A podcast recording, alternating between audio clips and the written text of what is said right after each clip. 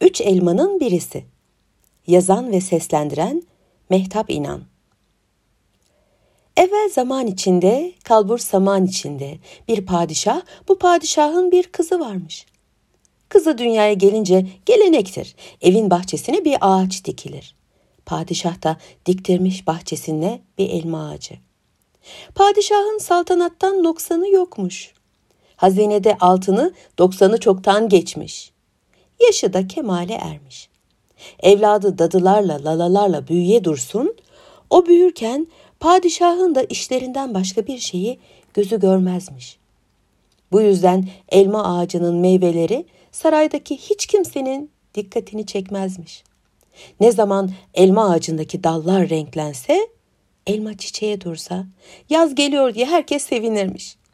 Lakin elmalar olmaya başlayana kadar kimsecikler dönüp de elma ağacının meyvelerine bir daha bakmazmış. Elmalar dalında olmaya başlayınca da saray ahalisinin üzerine bir uyku gelirmiş, herkes uyurmuş. Uyanır bir bakarlarmış ki tek bir elma yok. Yıllar yılları izlemiş, mevsimler mevsimleri. Ama bu akıbet hiç değişmemiş. Saray ahalisi uyuduğunu görmez, bilmez.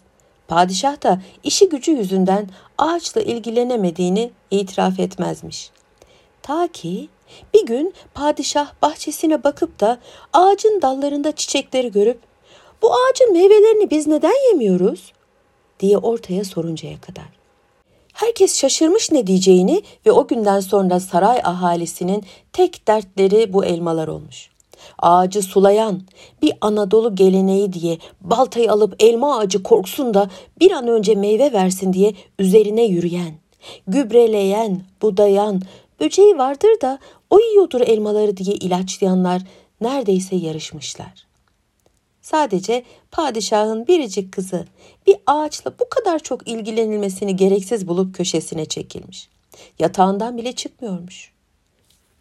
Beti benze solmaya başlamış. Yemeğini yerken de iştahsızlık çekiyor ve her gelen yemeğe bir kulp takıyormuş. Padişah bile el ayak çekilince gizli gizli geceleri elma ağacının altına gidip toprağını havalandırmaya, çapalamaya başlamış. Ama kızı kılını bile kıpırdatmamış. Bir gece padişah yine elinde kazması ile tam başlamış işine birdenbire yaşlı bir kadın belirmiş. A padişahım, hepinizin çabası boş. Kızının ağacı o. Ancak kızınız bu ağaca bakarsa meyvesini yiyebilirsiniz demiş. Kaybolmuş. Padişah toplamış vezirlerini, saray çalışanlarını, hepsi de kadına hak vermişler. Padişah da çağırmış kızını, paylaşmış kozunu. Padişahın kızı, ben bahçıvan mıyım, çiftçi miyim, ne anlarım ağaçtan bahçeden deyip yatağına geri dönmek istese de saraydaki herkes o kadar çok ısrar etmiş ki artık babası ferman çıkarmak zorunda kalmış. Böylece padişahın gözünden esirgemediği kızı erkenden kalkıyor, ağacını suluyor, buduyor, toprağını kazıyor. Bir ağaca nasıl güzel bakılırsa öyle güzel bakıyormuş. Ama elleri artık pamuk gibi değilmiş. Teni de güneşe çıkmaktan biraz kararmış. Yanakları al al olmuş. İştahlanmış. İşin en güzel tarafı da artık o da bu elmaları merak eder olmuş. Vakit tamam olup da ağaç sakladığı elmaları herkese göstermeye başlayınca herkes çok keyiflenmiş. Tam hasat edilecekken nereden geldiği belli olmayan o kadın yine çıkmış ortalığa. Kim elini elmaya değerse kurur ağacınız. Kimin elmasıysa o koparabilir deyip kaybolmuş yine. Padişahın kızı bu işe pek sevinmiş. Kolunda sepetle tırmanmış ağaca. Tam üç elma koparmış sepetine ki üçü de sepete girer girmez diğer elmalar bırakmışlar kendilerini yere. Halk coşkuyla elmaları kapışmış. Kız da takmış sepeti koluna doğru odasına.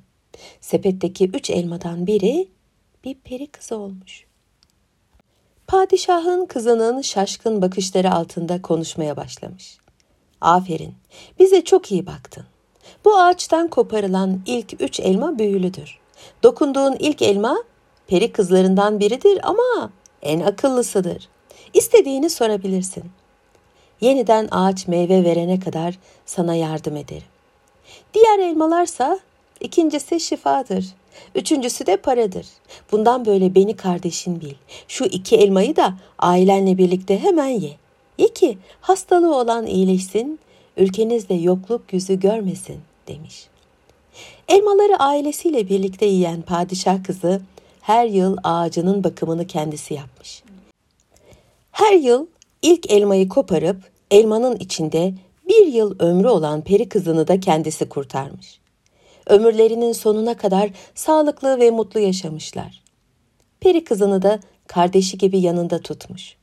Onlar ermiş her murada. Gökten üç elma düşmüş. Biri bitkilere su verenlere, bakımını yapanlara, diğeri masal dergisine, diğerini de soydum dildim, akıl, şifa ve para isteyenlere üleştirdim.